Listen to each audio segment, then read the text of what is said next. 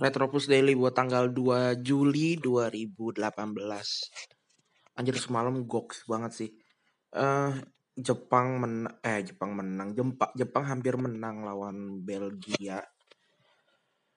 Eh uh, gue sebenarnya udah udah nggak nonton karena gue nonton Brazil dulu kan, terus ngantuk udah pengen udah naik terus eh uh, udah mau siap-siap tidur tuh eh pas baca Twitter kayak anjir nih Jepang udah udah satu kosong nih gue langsung turun ke bawah gue nonton lagi dan gue baru nonton bentar tiba-tiba udah Inui udah golin lagi udah dua kosong gitu dan wah gila sih ini ini ngebuktiin kalau sepak bola Asia yang nggak yang nggak parah-parah banget gitu masih bisa masih bisa bersaing gitu.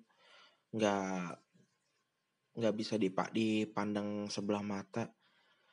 Uh, dan uniknya Jepang itu baru ganti pelatih kayak sebulan sebelum Piala Dunia lah gitu nggak nggak lama gitu.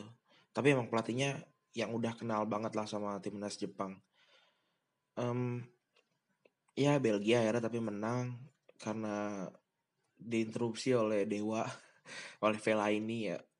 Ini emang bukti kalau Vela ini tuh nggak jago-jago banget tapi ketika timnya butuh uh, asupan bola uh, asupan sundulan-sundulan gitu ya Vela ini masuk gitu. Dan akhirnya Belgia menang 3-2 di menit akhir. Uh, kayaknya nih final bisa either Belgia versus Inggris atau Brazil versus Inggris gitu. Atau Inggris kita bisa substitusi dengan Kroasia kayak gitu. Itu kayak final idealnya dan uh, ya nggak sabar sih nggak sabar gue nunggu komposisi final untuk perempat final gitu. Siapa aja. Dan ya selamat buat Jepang. Um, pulang dari 16 besar tidak memalukan sama sekali. Bisa dibanggakan gitu. Meskipun yang kita tahu sepak bola adalah kemenangan yang nggak ada nggak ada yang akan ingat lo ketika lo kalah gitu. Tapi cukup bisa diapresiasi Jepang. Terima kasih udah yang udah dengerin. Uh, selamat untuk Belgia.